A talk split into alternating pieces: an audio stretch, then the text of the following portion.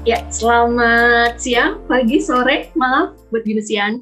Uh, jumpa lagi di podcast SASC Cerita hari ini. Nah, kalau podcast lalu kita ada di bulan Maret, bulan ini kita di April ketemu lagi di Cerita hari ini. Uh, kali ini kita bertiga, kemarin hanya berdua, hari ini kita bertiga. Ada saya, nama saya Dede, saya konselor EAS ASC di uh, Fakultas Teknik. Uh, kemudian ada Kak Berlian. Halo Kak Berlian. Hai, aku Berlian, konselor SASC dari School of Information System. Oke, Kak Diamond ya. Nah, kemudian kita ditemanin satu teman mahasiswa kita, namanya Saskia. Halo kakak-kakak, halo semuanya. Aku Sofia Kristina dari jurusan Psikologi Pinus University. Oh. Oke, okay, terima kasih Saskia udah berkenan nemenin kami di sini gitu ya sama saya dan Kak Berli ya. Kali ini kita mau mengusung tema tentang self diagnosis. Nah, mungkin beberapa teman-teman pernah dengar nih yang namanya self diagnosis. Nah, sebelum kita masuk ke materi, kita mau ada cerita dulu, cerita yang masuk yang nanti mungkin bisa relate dengan materi kita hari ini.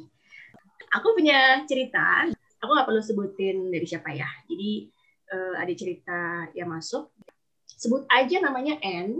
Nah, N ini udah sekitar dua mingguan ini agak nggak enak gitu ya. Dia ada merasakan beberapa kondisi yang buat dia nggak nyaman yang dia ceritakan ke kami. N ini uh, enggan makan, gitu. jadi nafsu makannya menurun. Ini kondisinya sebelum puasa ya teman-teman ya. Kemudian berasa uring-uringan gitu, dan teman-temannya juga sempat tadi bilang kayaknya ada yang berubah nih dari N gitu ya.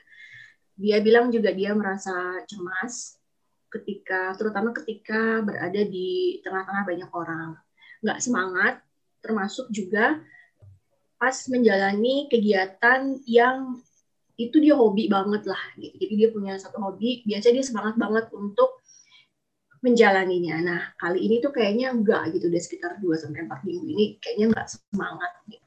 Terus bawaannya sedih, tapi En cerita bahwa tiap kali temannya nanya gitu, lu kenapa sih gitu, kayaknya ada yang beda nih gitu. Dan En bilang, enggak kok, enggak apa-apa gitu. Gua lagi enggak apa-apa gitu.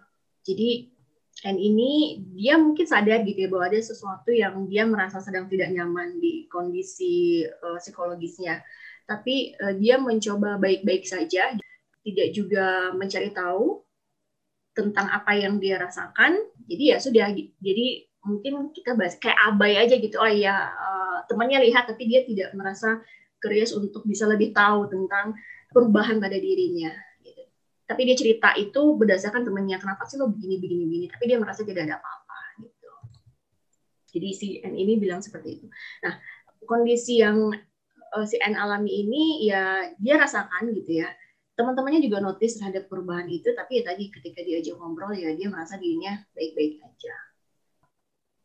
Sedangkan pada cerita yang kedua nah cerita yang kedua agak kontras nih ya nah ini gimana nih Kak Diamond kalau tadi ceritanya lebih ke N ini merasa abai gitu ya dengan apa yang dia hmm. rasakan, dengan apa yang dia alami. Kalau misalnya ini kebalikannya nih Kak Dede. Jadi hmm. suatu hari anggaplah ada seorang mahasiswa bernama B. Ya, aku dong B berlian enggak. Tapi ini beda lagi ya. Ini beda lagi ya guys, B-nya jadi. Oke. Okay. Akhir-akhir ini B mengalami kesulitan tidur. Jadi baru tidur jam 3 gitu, anak-anak insom. Terus nggak cuma itu, nafsu makannya juga turun. Terus narik diri dari teman-temannya, dari keluarga, pengennya di rumah terus, pengennya di kamar terus, nggak pengen chatting, nggak pengen ketemu sama teman-temannya di kampus gitu. Terus si B ini nyobainlah aplikasi online untuk melakukan penilaian pribadi gitu untuk ngecek nih dia tuh gejalanya apa. Nah, dari hasil si aplikasi online ini e, disebutkanlah bahwa ternyata dia dari situnya ya dari aplikasi onlinenya ya. Dia bilang oh kemungkinan ini kayaknya mengarahnya ke depresi berat. Hmm. dan si B begitu begitu mendengar ini begitu bukan mendengar ya begitu melihat ini si B langsung kayak oh berarti gue beneran nih depresi berat. Wah parah nih gue depresi berat nih. Gue harus minum obat kali ya mau apa gitu. Tapi dia nggak konsul dulu ke dokter psikiater maupun psikolog. Gitu kak Dede ceritanya di aplikasi online yang di internet mungkin ya kak ya? Banyak ya? Kak ya?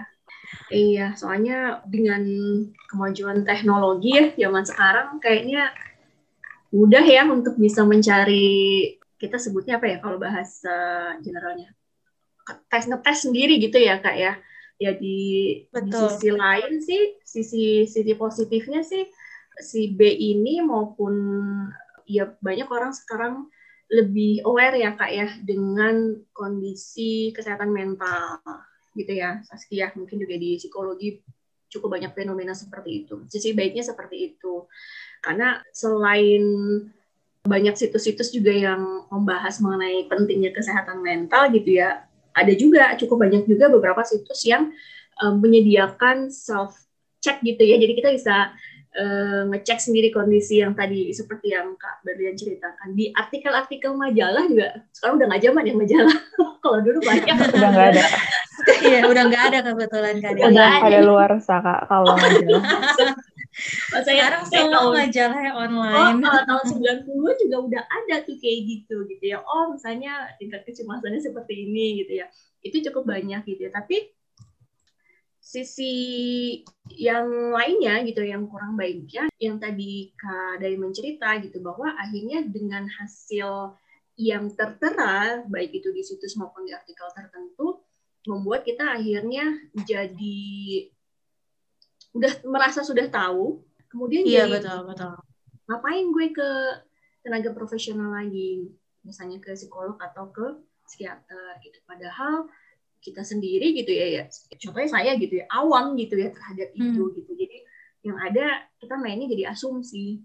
Oh Hmm. iya saya akhirnya uh, oh gue depresi atau segala macam. Gitu.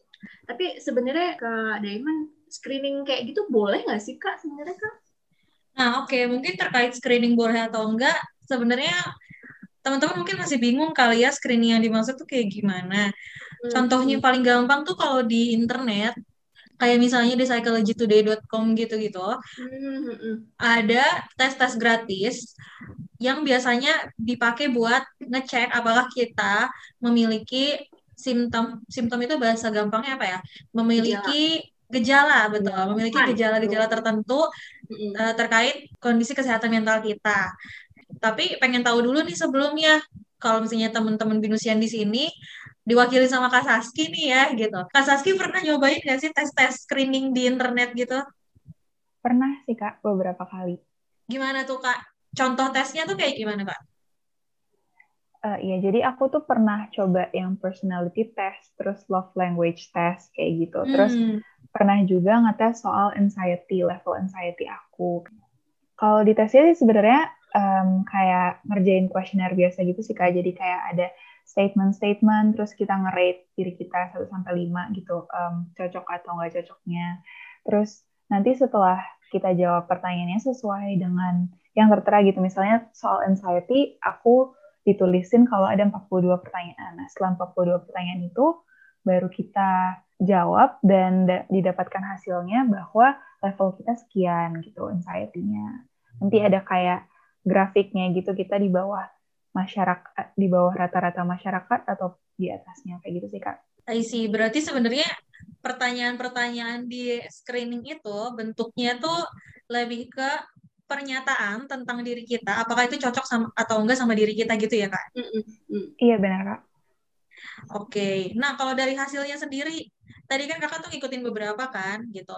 Ada yang tentang kepribadian, yang ngukur kayak kepribadian, sama yang satu lagi yang ngukur gejala kesehatan mental yang dialamin. Nah, berhubung kita sekarang lagi bahas tentang gejala kesehatan mental, mungkin kita bisa coba ngulik lagi ke yang tes-tes tentang gejala kesehatan mental itu ya. Tadi kan Kak Saski bilang kalau Kak Saski nyobain tentang anxiety itu. Hasilnya gimana sih Kak kalau menurut Kakak?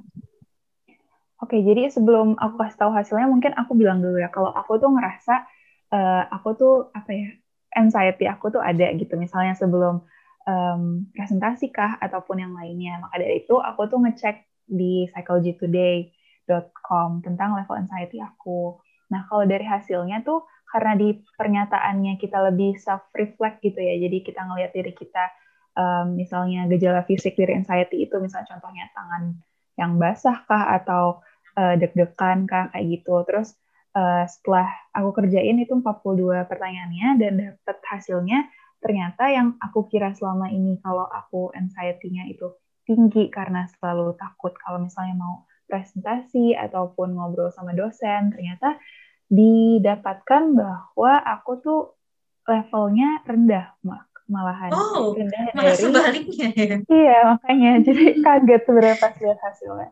Rendah dari rata-rata masyarakat gitu sih kata statement paragraf yang ada di Psychology Today gitu kak malah jadi berkebalikan dengan apa yang selama ini kita percaya ya kak ya betul betul betul iya, seperti yang kayak tadi ya mungkin ya kontranya ya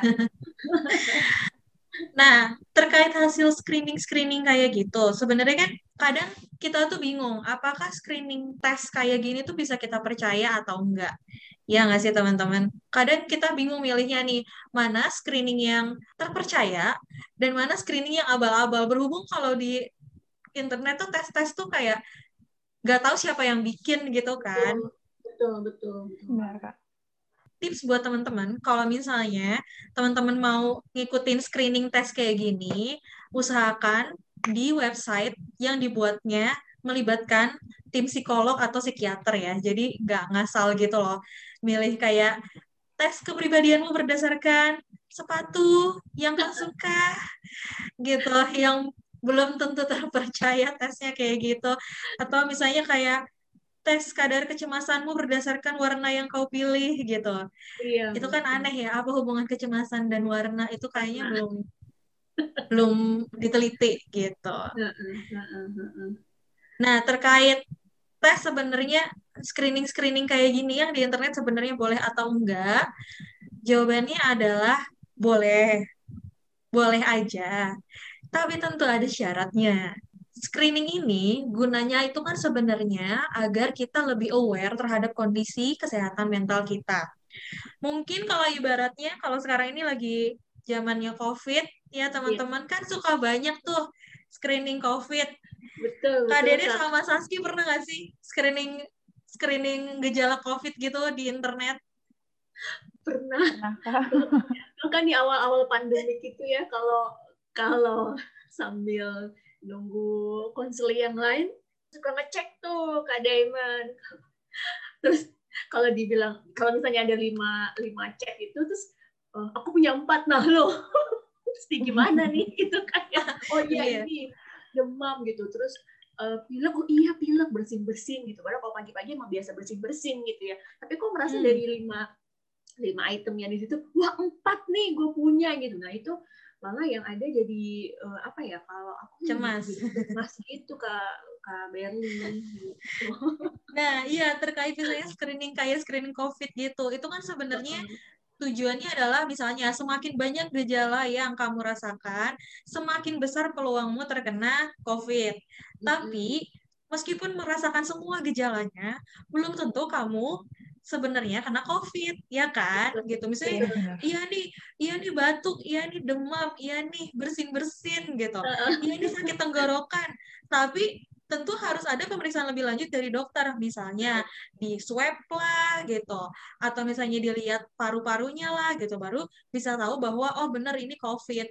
Bisa jadi ternyata bukan covid kan tapi misalnya dia demam demam musiman gitu. Kan kadang suka gitu kan radang, radang tenggorokan aja ternyata gitu, atau lagi nggak fit aja badannya, itu bisa. Nah, sama aja sama screening di kesehatan mental gitu. Kadang misalnya dibilangnya tuh screening kecemasan, screening anxiety seperti yang Kak Saski bilang. Tapi misalnya nih hasil tesnya ternyata kalau tadi Kak Saski alhamdulillahnya ternyata hasilnya rendah ya. Jadi ternyata kalau rendah itu berarti mungkin belum butuh lah untuk bantuan profesional. Tapi misalnya ternyata hasilnya pun tinggi, Jangan langsung cepat-cepat menyimpulkan bahwa oh ternyata aku menderita gangguan kecemasan. Hati-hati dulu nih karena perlu ke psikiater lagi atau perlu ke psikolog lagi untuk melihat lebih jauh apakah benar yang dirasakan adalah gangguan yang dialami adalah gangguan kecemasan atau mungkin ada lainnya yang dialami misalnya gitu. Misalnya aja sebenarnya dia lagi kedukaan gitu. Misalnya sama-sama sama-sama dikit-dikit nangis dikit-dikit nangis dikit-dikit males ke mana-mana gitu. Apakah mungkin kedukaan atau mungkin ada gejala psikologis lainnya atau bisa jadi mungkin bukan dari psikologis tapi dari fisik gitu kan. Jadi daripada daripada kita berpikir sendiri nih dari hasil screeningnya lebih baik ketika hasil screeningnya menunjukkan bahwa kamu mengalami cukup banyak gejala, langsung ke profesional terdekat, Ahli misalnya aja. ke psikiater atau ke psikolog. Betul banget Kak Saski, kita ke ahlinya aja. Nah, terus jadi bertanya-tanya nih sebenarnya. Kalau misalnya emang nggak boleh kita menyimpulkan sendiri, kok gue cadel sih? Oke. Okay. Kalau misalnya nggak boleh kita menyimpulkan sendiri, dari artikel-artikel atau dari screening-screening itu, terus tujuannya apa nih sekian banyak artikel kesehatan men mental yang muncul saat-saat ini? Kalau menurut Kak Saski, gimana nih Kak? Sebenarnya apa sih tujuannya? Artikelnya banyak banget, tapi kita nggak boleh self-diagnosis. Tujuannya apa sih Kak? Kalau menurut aku sih Kak, mungkin nanti kakak-kakak boleh koreksi. Artikel-artikel itu dan tes-tes screening itu tuh ada di internet sebenarnya pertama karena emang sekarang ini mental health kan lagi bukan lagi booming ya orang akan udah lebih aware. sama yang namanya mental health. Terus betul, betul. jadi jadi orang-orang tuh pada nge-search. Mungkin dari dulu udah ada tapi karena nggak pernah di-search jadinya sekarang tuh baru banyak bermunculan gitu kesannya. Nah kalau menurut aku sih itu semua ada di internet itu karena akan memudahkan kita untuk mengakses dan mencari informasi sih kak. Basically kayak internet pada umumnya gitu. Jadi kayak kalau misalnya kita tertarik mencari tentang salah satu mental illness gitu kita cari keywordnya aja langsung banyak gitu muncul um, artikel-artikelnya. Dan itu tuh sebenarnya menurut aku bukan buat self diagnose tapi kayak kita at least dapat apa ya kayak masukan tersendiri gitu kayak dari kita baca ini habis itu kayak kita paham tadinya informasi yang kita punya itu nol sampai akhirnya baca-baca artikel banyak um, jadi ada gitu sedikit paham soal isu yang kita cari kayak gitu sih kak kalau dari aku. Setuju banget sih sama Kak Saski. Jadi intinya tuh sebenarnya teman-teman yang ada di artikel-artikel ini tujuannya adalah untuk edukasi biar kita dan masyarakat pada umumnya lebih aware, lebih ngerti, lebih paham tentang kesehatan mental kita berhubung sebelum-sebelumnya. Mungkin zaman papa mama kita kali ya kesehatan mental mungkin belum se booming sekarang nih gitu. Yang ya, namanya ya, iya kayaknya tuh yang namanya depresi ah kamu depresi gitu. Kesannya tuh kayak dosa banget gitu. Aku tuh depresi. Kamu wah kalau misalnya dibilang depresi tuh pasti nanti dibilangnya tuh kurang bersyukur lah gitu. Atau dibilang apa kamu gak bersyukur banget sih kamu gak berterima kasih banget sih udah dikasih hidup gitu. Nah, jadi tujuannya sebenarnya adalah biar masyarakat tuh tahu bahwa mental illness tuh ada nyata adanya, terus bahwa kesehatan mental itu perlu dijaga, gitu tujuannya. Kalau tadi kan memang dibahas eh, baik itu artikel ataupun situs-situs yang ada itu memang pertama kita sudah jauh lebih aware, kedua eh, ini jadi media edukasi gitu ya, apa namanya membuat kita jadi terbuka lah cakrawalannya. Dan banyak juga memang teman-teman di luar disiplin psikologi juga tertarik gitu ya. Tapi tadi memang betul bukan untuk mendiagnosis. Karena kalaupun misalnya kita nih pergi ke tenaga profesional baik itu psikolog gitu atau psikiater ya termasuk Kak Berry kan psikolog juga ya Kak ya. Nah hasil psikotes itu kan atau assessment itu bukan satu-satunya media ya Kak ya, bukan satu-satunya cara untuk tenaga profesional menegakkan diagnosis depresi kah atau kecemasan betul, kah betul. atau yang lain kah gitu. Tetapi tolong dikoreksi nih Kak Berry kalau saya salah. Ada juga misalnya uh, metode lain yang dilakukan untuk melengkapi. Misalnya ada observasi gitu ya Kak ya. Betul, Sedangkan betul, ketika betul. kita self assessment menghasilkan self diagnosis tidak ada tidak ada tuh uh, observasi yang dilakukan oleh tenaga ahli ataupun alat tesnya itu sendiri gitu. Dan yang kedua ada interview untuk melengkapi. Jadi kalau tadi itemnya hanya, apalagi kalau itemnya tertutup, ya tidak, ya tidak, jarang, kadang-kadang gitu. Jadi kayaknya kuncinya adalah ketika kita sudah dapatkan itu, itu sebagai langkah awal kita untuk uh, harus gitu ya, kita katakan harus kalau misalnya memang tadi uh, sudah sudah self checknya sudah banyak gitu mengindikasikan satu kondisi tertentu. Nah, nanti dilengkapi lagi dengan dari psikolognya sendiri, entah itu ada observasi, entah itu ada hal-hal lain yang perlu dilakukan. Jadi memang bukan untuk men, dijadikan uh, diagnosis bahwa saya, menderita ini atau mengalami ini gitu ya ya. Jadi ada yang lain lagi yang kayak Betul banget Kak Dede. Nah, berhubung Kak Dede bahas diagnosis, mungkin aku jelasin dulu kali ya sebenarnya diagnosis itu fungsinya untuk apa.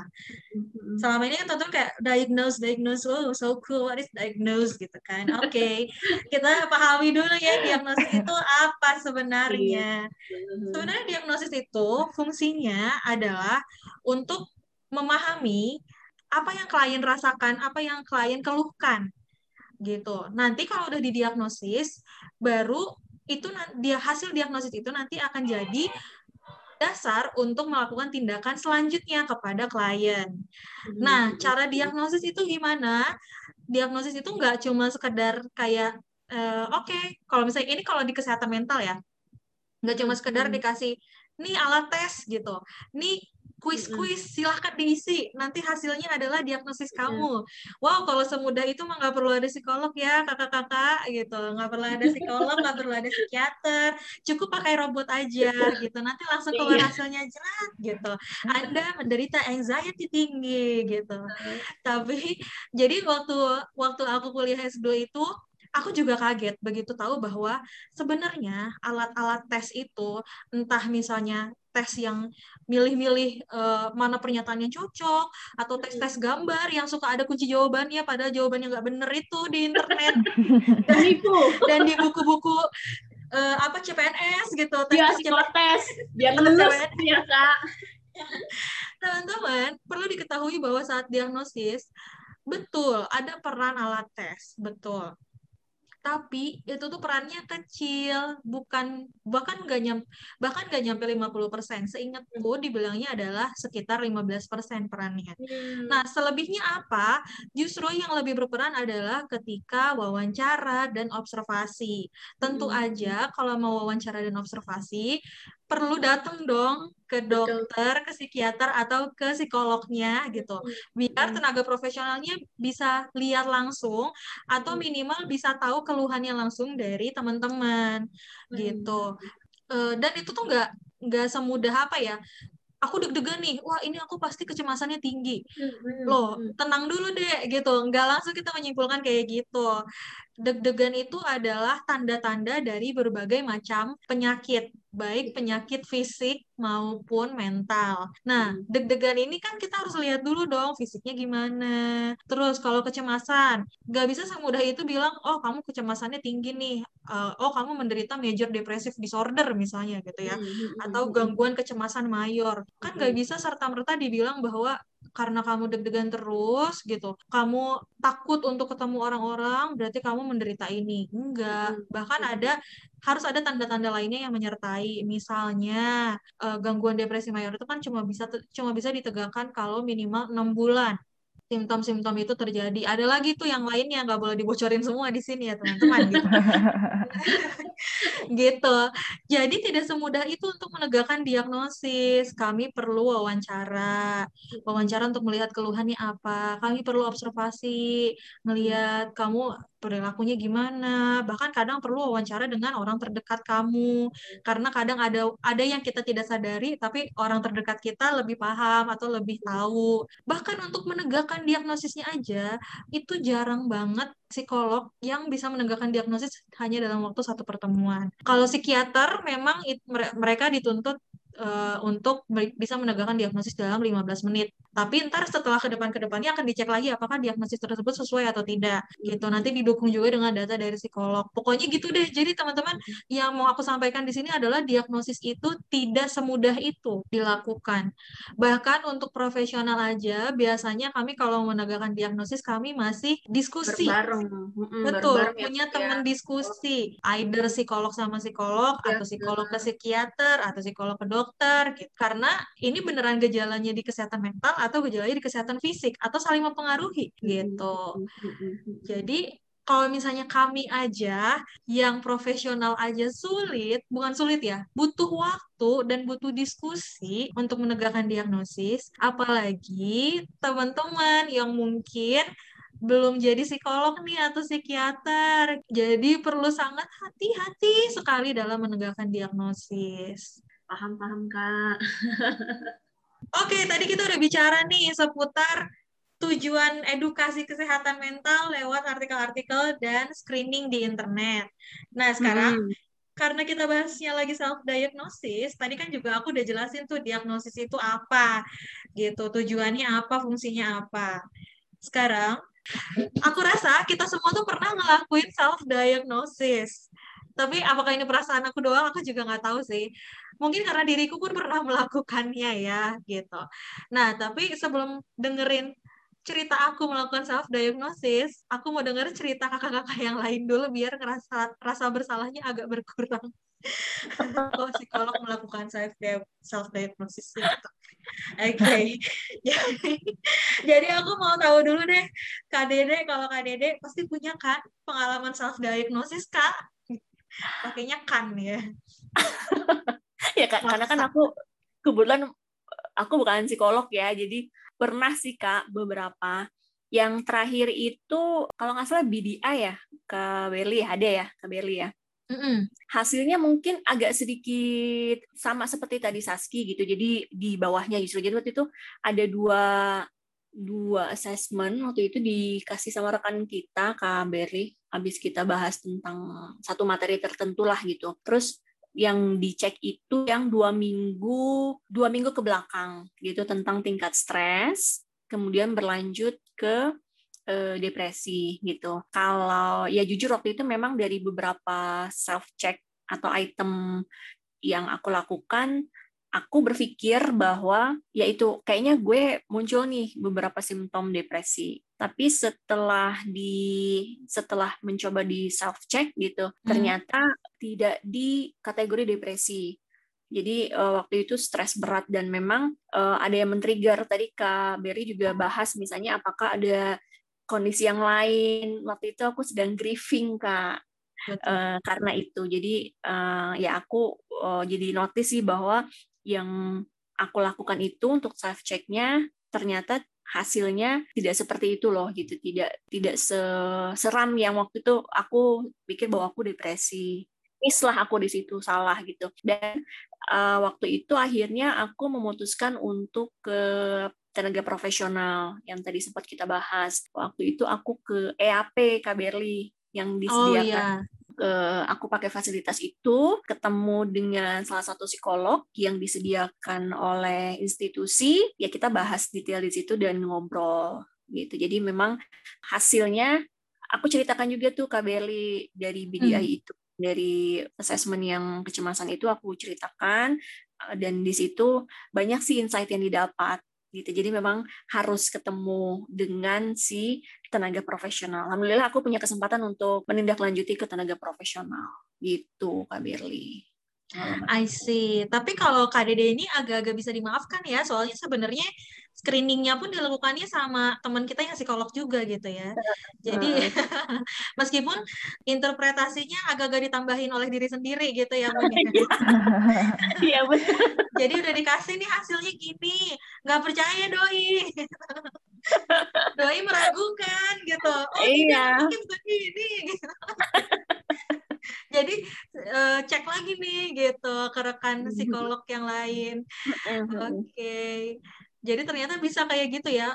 Kalau tadi kan dikasih tuh hasil screening gitu, terus dikasih hasilnya biasanya kan skor-skornya gitu-gitu kan.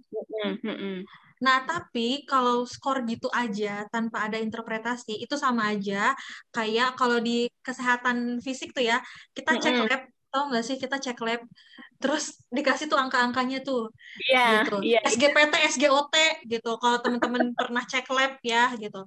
Ngerti kagak? Kagak. Bisa cari di internet bisa, tapi ntar salah interpretasinya. Iya. Jadi betul. gitu juga sama ini nih teman-teman. Heeh. Tuh, sama Hmm. aja sama hasil screening. Itu masih hasil mentah. Betul, Perlu betul. diinterpretasi lebih lanjut. Interpretasi itu maksudnya di dialih bahasakan menjadi bisa dipahami oleh orang awam gitu ya Kak Beli ya interpretasi itu ya maksudnya ya. Iya, betul. Atau bahasanya kayak perlu dibaca lebih lanjut oleh Ya. dokter. Gitu. Nanti dibacain bahasanya gitu. Dibacain sama psikiater sama psikolog gitu. Mm-mm. Nah, itu tadi dari KDD. Kalau tadi berarti KDD mengiranya kecemasannya tinggi, tapi ternyata malah grieving ya, alias eh, Hmm. kedukaan. Betul, betul, Tuh. betul, betul. Nah, itu tadi pengalaman dari KDD. Kalau pengalaman dari Kak Saski nih sebagai teman binesian, Kak Saski pernahkah melakukan self diagnosis? Aku tuh kayaknya sering sih kak. Pengakuan yang jujur dari anak psikologi, tapi iya sih wajar ya. Jadi mungkin aku mau nge-share, aku nggak malu sih nge-share-nya. Maksudnya aku mau nge-share, aku tuh emang anaknya tuh suka banget interpret sesuatu, Kak. Kayak dari Hmm. fakta-fakta-fakta ini, terus aku mengambil kesimpulan sendiri. Aku tuh kayak gitu orangnya. Jadi, kamu cocok eh, banget di jurusan ini ya. lihat, lihat, lihat, menyimpulkan. Iya, jadi em, aku biar fair, aku share soal self-diagnose aku di kesehatan fisik dan kesehatan mental ya, Kak.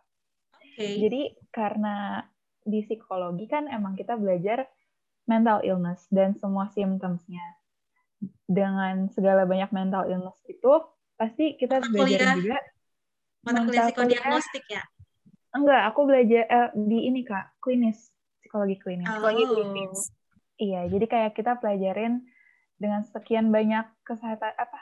em, sekian Gangguan banyak mental. gangguan mental itu terus aku ada satu nih yang kayak mencolok banget kayaknya aku banget nih kayak pasti teman-teman jurusan Hmm. psikologi mana pun pasti kayak gitu sih Eh, kayaknya aku banget nih eh, itu social anxiety disorder aku kan Wow. emang nggak beranian gitu ya orangnya buat ngobrol sama orang baru lebih prefer buat sendiri maksudnya Hmm. nggak yang kayak ngurung diri banget cuman maksudnya kalau emang kita bisa nggak usah keluar ya udah nggak usah keluar kayak gitu terus dari sekian Hmm. banyak symptoms social anxiety disorder aku cocok-cocokin nih kayak sampai aku bikin checklist sendiri ini aku banget nih kayaknya aku banget nih kayak gitu terus Iya, akhirnya iya. kayak baca segala apa segala materinya terus kayak ya aku ngecap diri aku social anxiety disorder walaupun aku nggak menindak lebih lanjut sih kak soal ini maksudnya kayak Hmm.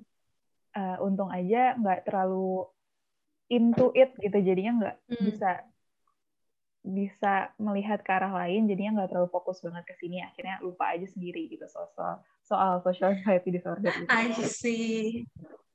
Terus kalau yang kesehatan fisik sih ini lebih sering sih kalau aku karena kayak waktu dulu zaman-zaman awal COVID yang kayak Kak Berli tadi bilang kayak Mhm. kita kan pasti sering nge-search di Google um, Betul, betul. apa apa gejalanya apa kayak gitu kan tanpa kita masuk ke satu situs sendiri tuh sebenarnya ada langsung gitu keluar di Google soal batuk lah, pilek, sakit tenggorokan dan Mhm. macam-macam. Nah jadi waktu itu juga sama kita lagi di kelas klinis kayak gitu terus kita bahas mengenai salah satu mental illness yang kayak kesuges gitu kak. Nah lagi bahas kayak Iya. gitu, habis itu ngomongin soal covid, tiba-tiba tenggorokan ini gatel sendiri gitu gatel gitu. Iya, iya banget, iya banget. lagi sebelumnya biasa aja terus tiba-tiba gatel terus hidung tuh langsung kayaknya mampet kayak gitu. Terus eh, Saskia ini nge-search lah di Google kayak gitu. Gejala COVID-19 abis itu ya Allah kenapa banyak banget yang cocok sama diri aku sekarang? Terus akhirnya tuh ngecek tuh ke dokter kalau ini aku ngecek ke dokter. Hmm. karena agak panik gitu ya. Parno sih sebenarnya bukan panik akhirnya ngecek ke dokter tahu-taunya emang lagi kambuh aja gejala alergi debu aku jadinya sakit tenggorokan dan Oh. pilek kayak gitu kak Langsung beda ya, langsung beda Iya. diagnosis ya. Ada alergi ternyata. iya ada alerginya Iya, tapi setuju banget sih sama yang Saski bilang ya nggak sih Kak Dede? Kalau misalnya kita lagi Iya. baca apalagi artikel tentang COVID-19 tuh kan. Jadi kayak ngerasanya, aduh nih kayaknya kok gue jadi gatal tenggorokannya ya. Terus kok Mm, badan mm, gue agak anget ya. Gitu. Padahal Padahal sebenarnya karena deg-degan aja gitu. Padahal suhunya 36,6. Normal. Iya. Padahal suhunya normal. Enggak, kayaknya aku anget deh gitu. Terus jadi tersugesti sendiri. Heeh, heeh. Eh, sama kayak itu sih tadi Kak Berli, Eh, Kak Berli sempat bahas bahwa eh, kadang-kadang kita itu tertutupi sama atau sebenarnya itu eh, simptom atau keluhan fisik seperti yang tadi diceritakan misalnya ketika berdebar gitu ya jantung berdebar Hmm, hmm. gitu ya bisa saja gitu sebenarnya yang aslinya kita punya gangguan arit apa arit Aritmia, gangguan Aritmia. debaran jantung, detak debaran jantung. Sama halnya juga ketika akhirnya misalnya kita salah dalam mendiagnosis gitu tanpa tanpa konsul ke tenaga ahli gitu. Karena efeknya panjang banget sih ya, Kak Welly ya. Hmm, Dengan salah betul. diagnosis itu yang akhirnya jadi salah semua adalah penanganannya gitu. Yang misalnya tadi eh, dibilang misalnya sama-sama sakit panas gitu ya atau batuk Hmm. belum tentu itu misalnya tadi bahasa COVID bisa karena radang atau misalnya karena amandel. Nah, Hmm, ini hmm, juga bisa berlaku juga eh, di kondisi mental atau psikologis. Itu misalnya tadi jadi menarik diri gitu ya, kemudian hmm. eh, ada gangguan tidur gitu ya. Oh, ini kok di self checknya masuknya di kecemasan atau misalnya di depresi. Padahal ketika misalnya diulas lagi gitu, seperti contohnya di saya ada grieving di situ gitu ya, ada sedang mengalami grieving sehingga kondisi-kondisi itu keluar. Nah, salah diagnosis ini memang kalau udah salah diagnosis juga treatmentnya jadi salah ya Kak Berli ya Betul, gitu. Kalau udah salah penanganan ya kacau. Apalagi kalau misalnya membiarkan diri kita terlalu mengimani self diagnosis yang kita lakukan tanpa pergi ke tenaga ahli. Eh, Oke, misalnya memang kondisi mental kita atau psikologis kita tidak baik gitu ya. Kita percaya, kita imani itu setelah kita self check. Tapi eh, karena kitanya takut gitu ya, eh, akhirnya tidak mendatangi tenaga profesional, keluhan-keluhannya makin menjadi-jadi, jadi Hmm. jadi tidak dapat penanganan yang tepat gitu. Kalaupun misalnya tidak salah diagnosisnya ya gitu, karena enggan mendatangi tenaga profesional, akhirnya keluhan itu makin terus makin terus makin terus, ya akhirnya penanganannya juga ketika ditangani juga eh, butuh waktu yang lebih lama. Salah diagnosis, penanganannya salah gitu, dan efek ke, belakangnya makin makin parah gitu. Betul banget. Jadi tadi yang udah Kak Dede bilang, bah- bahaya dan bahaya dari self diagnosis ini tuh nggak cuma sekedar eh, ya udah nih kalau misalnya self diagnosis berarti aku sok tahu gitu. Nggak cuma sekedar Hmm. menjadi orang yang sok tahu gitu. Tapi yang pertama yang eh, fatal adalah salah diagnosis. Kalau tadi kan seperti yang udah disampaikan sama Kak Dede dan Kak Saski, mereka berdua diagnosisnya salah jauh gitu. Salahnya Mm-mm. jauh lagi. Nggak Mm-mm. dekat nggak mepet salahnya jauh gitu. Kayak misalnya tadi Kak Dede bilang kecemasan tinggi sama kedukaan gitu. Itu kan biasanya kalau kedukaan kan sumbernya udah jelas gitu. Iya, iya. Penanganannya pun beda tentunya. Kalau misalnya Dede misalnya kecemasan tinggi aja nih, kecemasan tinggi aja ditanganin nih misalnya dikasih relaksasi. Betul sih kedukaan juga bisa, tapi ternyata kedukaan misalnya sebenarnya kedukaan itu lebih perlu misalnya ditemani, kita sama-sama mengenang gitu. Kan jadi lebih cocok tuh nanti sama gejala yang dialami itu. Atau misalnya Kak Saski nih, kalau misalnya Kak Saski ternyata mengimani bahwa dirinya adalah menderita atau mengidap social anxiety disorder, wow, kalau sampai udah namanya disorder atau gangguan, tidak mungkin Kak Saski mau berada bersama kita saat ini tanpa tanpa perjuangan yang sangat kuat. Betul teman-teman. Betul, karena yang namanya yang namanya disorder atau sudah sampai gangguan itu pasti sudah sampai mengganggu kehidupan sehari-hari keberfungsian hidup sehari-hari gitu. Sama misalnya kayak eh, teman-teman yang udah bilang kalau ini tuh aku udah major depressive disorder aku udah depresi akut gitu dibilangnya. Udah depresi eh, major kan dibilangnya major gitu. Mm-mm. Tapi kalau misalnya teman-teman merasa teman-teman major depressive disorder tidak pernah ke psikolog, tidak pernah ke psikiater, tidak pernah mendapat penanganan apa pun, tapi teman-teman masih bisa berfungsi dengan normal, kuliahnya baik, teman-teman berteman dengan baik, itu kan perlu dipertanyakan. Betul. Gitu. Salah Karena- atau tidak gitu ya. Betul, karena seharusnya kalau sudah disorder itu sudah sangat sulit berfungsi sehari-hari tanpa bantuan. Mhm. Oh. Jadi Oke, kesimpulannya ya kak ya kalau kalau tidak dikomunikasikan atau tidak dikonsultasikan ke tenaga profesional, yang pertama diagnosa gitu ya kak ya, karena kita Mm-mm. sok tahu apalagi kita nggak punya ilmunya gitu ya, cuma berdasarkan asumsi dan dengan salah diagnosa, eh, salah penanganan gitu ya kak ya, iya betul betul. tidak tepat atau justru tidak kita dapatkan. Dan mungkin eh, yang terakhir ada juga akhirnya kita melewatkan yang memungkinkan menjadi faktor lain misalnya kondisi kondisi medis atau kondisi fisiologis yang menyamar atau Nah. menyertai pada gejala psikologis gitu ya Kak Berli ya. Nah, terkait yang ini, yang Kak Dede bilang ini, Mm-mm. kan tadi Kak Dede bilang eh, jangan-jangan jangan-jangan ada penyakit penyerta lain atau gangguan penyerta lainnya yang Mhm. justru terabaikan dengan self diagnosis kita. Aku mau kasih Mhm. contoh soal ini. Jadi sekalian pengakuan dosa juga biar adil ya daripada ntar abis siaran ini terus gue digebukin gitu. Eh katanya semua sharing kok kakak enggak gitu. Oke. Jadi ini aku baru kejadian tahun lalu. Memang tahun lalu itu cukup berat buat aku gitu. Nah, tapi tahun lalu itu aku kesulitan untuk ke psikolog maupun psikiater karena lagi COVID ya nggak sih guys? Jadi kan kayak betul waktu itu layanan psikolog sama psikiater pada akhirnya semua dialihkan ke online. Psikiater sih masih Online. ada, masih ada yang bisa offline sih, tapi mesti booking dari jauh-jauh hari gitulah gitu. Dan aku memang tipe yang kalau misalnya mau konsultasi ke psikolog atau ke psikiater tuh aku cari tahu dulu gitu. Dia tuh siapa, bidang apa gitu. Jadi Mhm. agak sulit lah gitu untuk men- untuk mendapatkan pertolongan pada saat itu. Meskipun aku psikolog, aku mengakui bahwa aku pernah self diagnosis gitu tahun Hmm. lalu. Jadi aku memang ngerasa kayaknya aku kecemasanku tinggi nih gitu.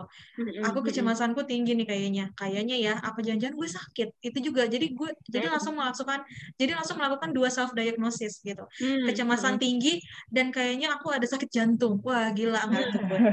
Luar biasa kan ya gue udah udah lebih lebih dari dokter plus psikiater plus psikolog gitu. Double ya, Kak. Sotoyan gue tingkat tinggi saat itu. Itu. Jadi eh, akhirnya karena aku ngerasa jantung aku tuh sering banget berdebar. Mhm. Terus tangan aku tuh keringetan. Terus aku tuh ngerasa kayak cemas gitu. Aduh besok kenapa lagi nih? Besok kenapa lagi nih? Besok kenapa lagi gitu terus kan.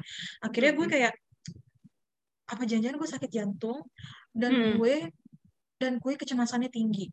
Itu dulu. Hmm. Terus kayak akhirnya eh, karena ke psikiater belum bisa, akhirnya aku ke dokter lah gitu. Mhm. Ke dokter penyakit dalam. Ke dokter penyakit dalamnya juga yang maksudnya yang udah aku kenal jadi beliau maulah periksa semua gitu. Nggak kan biasanya kalau ke dokter kan 15 menit harus keluar 15 menit harus keluar nggak gitu. Jadi kayak dok please periksa aku dengan baik dari atas sampai bawah. Gitu. karena kayak udah udah punya asumsi dulu nih enggak nih gue kayaknya kenapa kenapa nih gue kayak kenapa kenapa akhirnya sama dokternya ya udah biar tenang ya gitu. Biar tenang ya kita cek aja semua ya yuk gitu. Kita USG aja USG badan gitu kan semuanya. Kita lihat tuh wih gila nggak? USG sampai cek darah gitu. Semua dilakukan. Begitu keluar hasilnya eh, nggak kenapa kenapa oh tidak mungkin gitu kan. Sama dengan penyakit. Oh tidak mungkin. Ini pasti aku kenapa kenapa akhirnya aku mau ke dokter jantung. Aku mau periksa jantung gitu. Akhirnya aku mau periksa jantung. Sekarang aja ya gue ketawa-ketawa jelasinnya. Tapi aslinya tuh bener-bener bener-bener ketar-ketir nggak sih teman-teman kalau saya pas kayak gitu tuh sebenarnya tuh sekarang aja ketawa-ketawa setelah melaluinya gitu tapi Mm-mm. sebenarnya saat itu bener-bener cemas nggak karuan sih Mhm. Nah, pas ke dokter jantung karena aku deg-degan terus kan. Terus akhirnya sama dokter jantungnya diperiksa di USG jantung gitu. Mhm. Wow, sehat ini lihat detak jantungnya. Oh, agak Hmm. sedikit agak sedikit tak- takikardia sih. Takikardia tuh jadi detak jantung berlebih gitu. Mm-mm. terus gue kayak tuh kan gue kenapa kenapa? Tuh kan tuh kan gitu. Tapi dokternya tuh cuma kayak ya udah tenang dulu tarik nafas gitu. Terus kayak oke gue tarik nafas dulu. Minum dulu. Ya minum dulu. Dicek lagi udah tuh udah lebih tenang kan sekarang? Wah gitu. Ini mungkin kalau yang aku lihat kata dokter jantungnya ini sih kayaknya dehidrasi deh. Kamu minum gak sih? Gitu. Oh iya aku lupa minum. Gitu wow jauh ya dari penyakit jantung ke dehidrasi Oh iya, aku lupa minum. Oke. Jadi jan- jantungnya sehat ya. Udah tahu kan sekarang ya. Berarti lebih tenang aja gitu. Terus gue kayak, enggak, setelah itu bukannya gue lebih tenang, tapi malah jadi kayak, wah berarti memang kecemasan inilah masalahnya gitu kan. eh, eh, eh. Akhirnya ya udahlah, aku booking lah ke psikiater gitu. Ke psikiater ini akhirnya ya udahlah. Kalau misalnya, jadi kayak, udah nih udah nggak ada gejala fisik kan, berarti kayak gejala fisiknya udah kita bisa mm-mm. eh, kita bisa Terjawab lah. anulir gitu, kita bisa Hmm. anulir. Oke, Mm-mm. sekarang mentalnya nih gitu. Mm-mm. Terus akhirnya eh, ke psikiater lah gitu. Kok aku ngerasanya gini gini gini gini. Aku sebutkanlah semua gejala kecemasanku gitu. Kayak aku eh, deg-degan, aku cemas ngadepin hari esok gitu. Mm-mm. Cemas Mm-mm. dikit-dikit, dikit-dikit khawatir, dikit-dikit khawatir, terus nggak bisa konsentrasi gitu gitu. Terus setelah ngobrol-ngobrol-ngobrol-ngobrol sama psikiaternya, ternyata Mm. ada kemungkinan gejalanya itu ternyata bukan cuma cemas, tapi Mm. ada depresinya. Oh, gitu. Belum sampai gangguan, belum sampai gangguan karena memang baru baru sekitar dua bulanan lah gitu. Mm-mm. Mm-mm. Belum sampai gangguan, tapi eh, makanya disebutnya gejala gitu. Mm-mm. Kalau yang namanya gejala berarti bukan gangguan ya teman-teman, tolong dibedakan. G-nya doang sama, yang lainnya beda. Gitu. Sama kayak gejala tipes, belum tentu jadi tipes Betul, betul. gitu kan. Nah, jadi ini masih eh, masih gejala gitu. Kayaknya ini gejala kecemasan tinggi plus depresi. Nah, barulah di situ aku sadar, oh ternyata ada depresinya nih gitu. Mm-mm. Mm-mm. Makanya akhirnya di situ terus sama terus kan kayak gue udah khawatir gitu kan. Oh berarti butuh obat nih, butuh obat. Emang sok tahu orangnya gitu kan. Kayaknya butuh obat nih gitu. Terus ternyata kata kata psikiaternya gak usah obat dulu lah, kita coba dulu yuk. Tahu nggak obatnya apa sekarang? Obatnya adalah kamu pagi-pagi bangun, lihat sinar matahari, olahraga. Hmm. Sinar matahari itu gitu loh, guys. Gitu. Iya, Tapi iya. jadinya kan ketahuan tuh kalau kita kan tadi bahas ada gangguan lain yang jangan-jangan diabaikan dan ternyata benar gitu. Ada gangguan lain yang diabaikan yaitu si bukan gangguan ya ini belum sampai gangguan soalnya. Ada gejala lain yang diabaikan yaitu depresi gitu, gejala depresi. Mm-mm. Tapi ada gejala lain yang dibuat-buat seperti penyakit jantung gitu. Nah, Iya, iya. Karena gejala dan sih? gejala diagnosa kan beda ya, Kak ya. Gejala Betul. panas, diagnosa Diagnosa bisa macam-macam. Panas itu macam-macam. gitu. Pen- panas itu merupakan gejala berbagai jenis penyakit sama kayak gini. Kayak misalnya eh malas makan itu gejala gangguan mental apa kak banyak Banyak. nggak bisa nggak bisa aku jelaskan satu persatu. Nah kebayang nggak sih guys? Kebayang nggak sih guys? Kalau misalnya waktu itu sama sekali nggak ke dokter, sama sekali nggak ke psikiater, kira-kira apa yang terjadi dengan diriku? Gitu. Nggak kebayang sih, Kak. Mungkin Kacau ya, mungkin ya. mungkin yang ada aku kayak lemas sendiri di kamar karena aku merasa aku punya penyakit berat gitu. Iya, Iya, Kak. Atau aku jadi bolos terus, bolos terus misalnya ngantor gitu. Bukan bolos ya, Mm. aku tidak pernah bolos, aku izin ya gitu. Atau Mm-mm. mungkin aku izin terus ngantor karena aku ngerasa badanku nggak fit Nggak gitu. Jadi ternyata aku baru men- jadi aku menyadari juga di situ bahwa bahaya sekali self diagnosis ini karena ini membuat karena si self diagnosis itu membuat kita percaya dan pada akhirnya berlaku gitu Mm-mm. sesuai dengan diagnosis yang diberikan. Betul. Ya enggak sih? Betul, betul. Kak. Jadi kita mengimani itu, ya itu tadi ya balik ke masih asumsi ketika kita belum datang ke ekspertisnya gitu ya. Kemudian ya kalau kita memilih untuk akhirnya ketemu sama tenaga profesional, it's good. Tapi uh, ya tidak sedikit juga ya mungkin uh, ada juga orang-orang yang akhirnya memilih untuk uh, ya udah deh itu bisa jadi maaf ya misalnya waktu itu pernah ada tuh kak uh, bipolar gitu ya kak ya. Uh, hmm. padahal itu dia self check aja. Jadi pas misalnya minta izin kuliah iya saya uh, individu dengan bipolar. Nah itu kan juga nggak wise ya seperti itu. Padahal ketika ditanya uh, coba ada uh, referensi atau diagnosa dari ininya enggak psikiater kamu tuh? Nggak ada sih kak gitu. Kemarin saya self check aja gitu kak jadi oh. dia tidak tidak memilih untuk ke tenaga profesional gitu. Itu kan juga ya nggak bijak juga ya seperti itu. Tuh karena you do what you believe. Iya betul. nanti takutnya malah jadi malah jadi kita sem kita tidak menjadi semakin baik malah menjadi semakin buruk karena kita mempercayai apa yang sebenarnya tidak terjadi. Betul betul, betul. kalau kebayang nggak? Misalnya kak Saski itu tadi gejala alergi ya misalnya ternyata tidak ke dokter gitu. Selama ini mengimani dia covid. Iya, udahlah alerginya makin kambuh. Terus dia misalnya minum obat batuk terus tuh gitu. Iya. nggak kelar kelar gimana ya, coba? nggak sembuh sembuh iya. yang ada tak kalau makin parah makin bingung gitu. Tuh iya, kan? gitu. Iya. Nah, nah, tadi kita udah bahas tuh tentang bahayanya si self diagnosis. Jadi sebenarnya gimana sih Kak? Berarti self diagnosis boleh dong kan kakaknya juga ngelakuin enggak ya guys? Tolong. Tolong di sini tuh ajang pengakuan dosa, bukan ajang pamer dosa, enggak, pengakuan. Yang namanya pengakuan berarti ke depannya jangan sampai dilakukan lagi. Betul, betul, betul. Nah, sebaiknya jadi gimana? Ada saran nggak dari Kak Saski sama Kak Dede? Kak Saski dulu deh, kalau menurut Kak Saski sarannya gimana? Kalau menurut aku sih intinya menurut aku itu kita nggak boleh malu sih Kak atas simptom-simptom yang kita punya. Mungkin kalau misalnya malu, jadi itu yang menyebabkan kita langsung coba screening-screening aja karena kita belum mau open up sama misalnya orang tua kita sendiri ataupun psikolog atau psikiater gitu. Jadinya diam-diam kita ngecek dulu nih.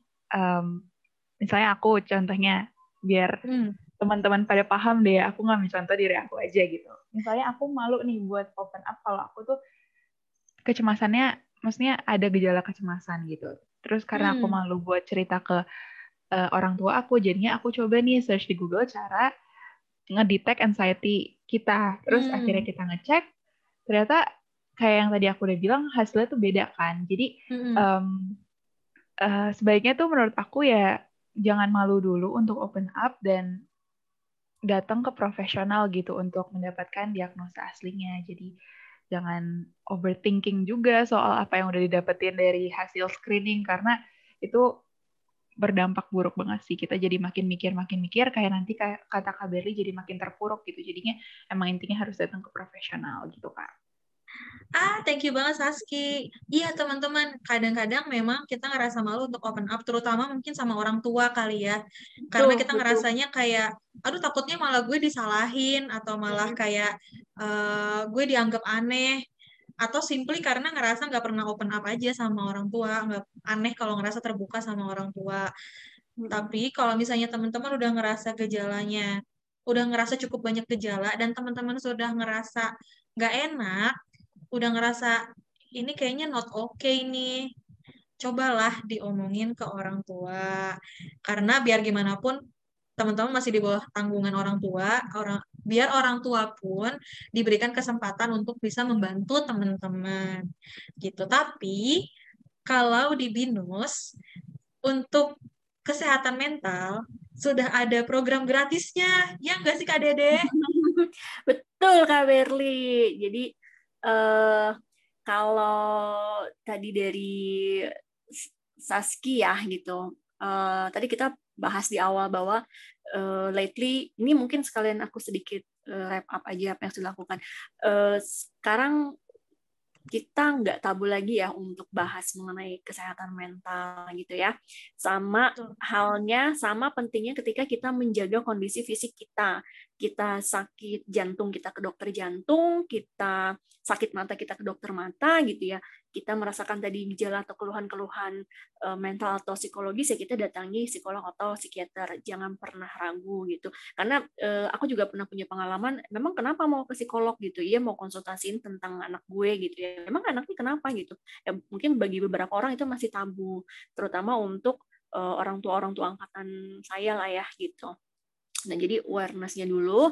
Kemudian kalau misalnya bingung nih gitu, ya, apalagi sekarang masanya pandemik nih gitu, eh, yang online, yang offline gitu, eh, mungkin bisa diawali gitu ya untuk teman-teman binusian eh, untuk bisa konsultasi ke kami di SASC itu kita ada konselor gitu ya, ada kakak-kakak konselor yang bersedia membantu. Kalaupun misalnya nanti tidak bisa kami fasilitasi, misalnya kita bisa mereferensikan ke tenaga profesional di luar binus jadi nggak perlu ragu nggak perlu takut nggak perlu khawatir gitu. Penting kok. Itu hal yang penting dan dan apa namanya perlu jadi perhatian khusus juga untuk kita semua. Gitu Kak Berli Oke, Kak Dede, thank you infonya. Sama tadi aku juga mau nyambung dari yang Saski. Uh, kalau misalnya teman-teman ikut screening, di internet dan sebagainya dan ada hasilnya terus teman-teman bingung nih ini artinya apa? Apakah aku benar seperti ini? Boleh loh sharing sama kita. Kalau misalnya teman-teman mau share sama kita, boleh coba dilihat aja kontaknya di @sasc-unif. Boleh tanya adminnya di sana, nanti akan diarahin gimana caranya konsultasi sama kakak-kakak psikolog di BINUS. Gitu. Di setiap kampus ada kok fasilitasnya. Jadi coba dipakai ya, udah bayar mahal-mahal kuliahnya. Jangan disia-siakan.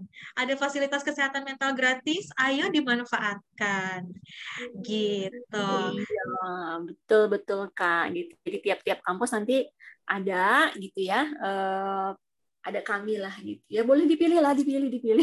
Kalau di BIN saya uh, di ini ya sudah segmented di jurusan ya KBRI ya gitu. Tapi bukan Betul. tidak mungkin nanti ya misalnya kalau kayak uh, di aku kan aku bukan psikolog ya. Nanti mungkin bisa di refer ke rekan-rekan psikolog SAS yang lain atau misalnya di luar dari BINUS sendiri. Jadi langkah awal ketika masih bingung nih gue harus bagaimana gitu, Eh, yang terjangkau adalah kami di sini karena kita sama-sama under binus yuk silakan datang ke kami. Seperti itu.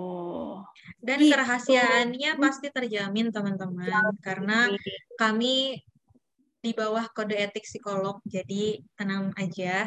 Nggak akan tiba-tiba dikasih tahu ke teman-teman kamu gitu atau dikasih tahu ke pihak luar. Mm -hmm.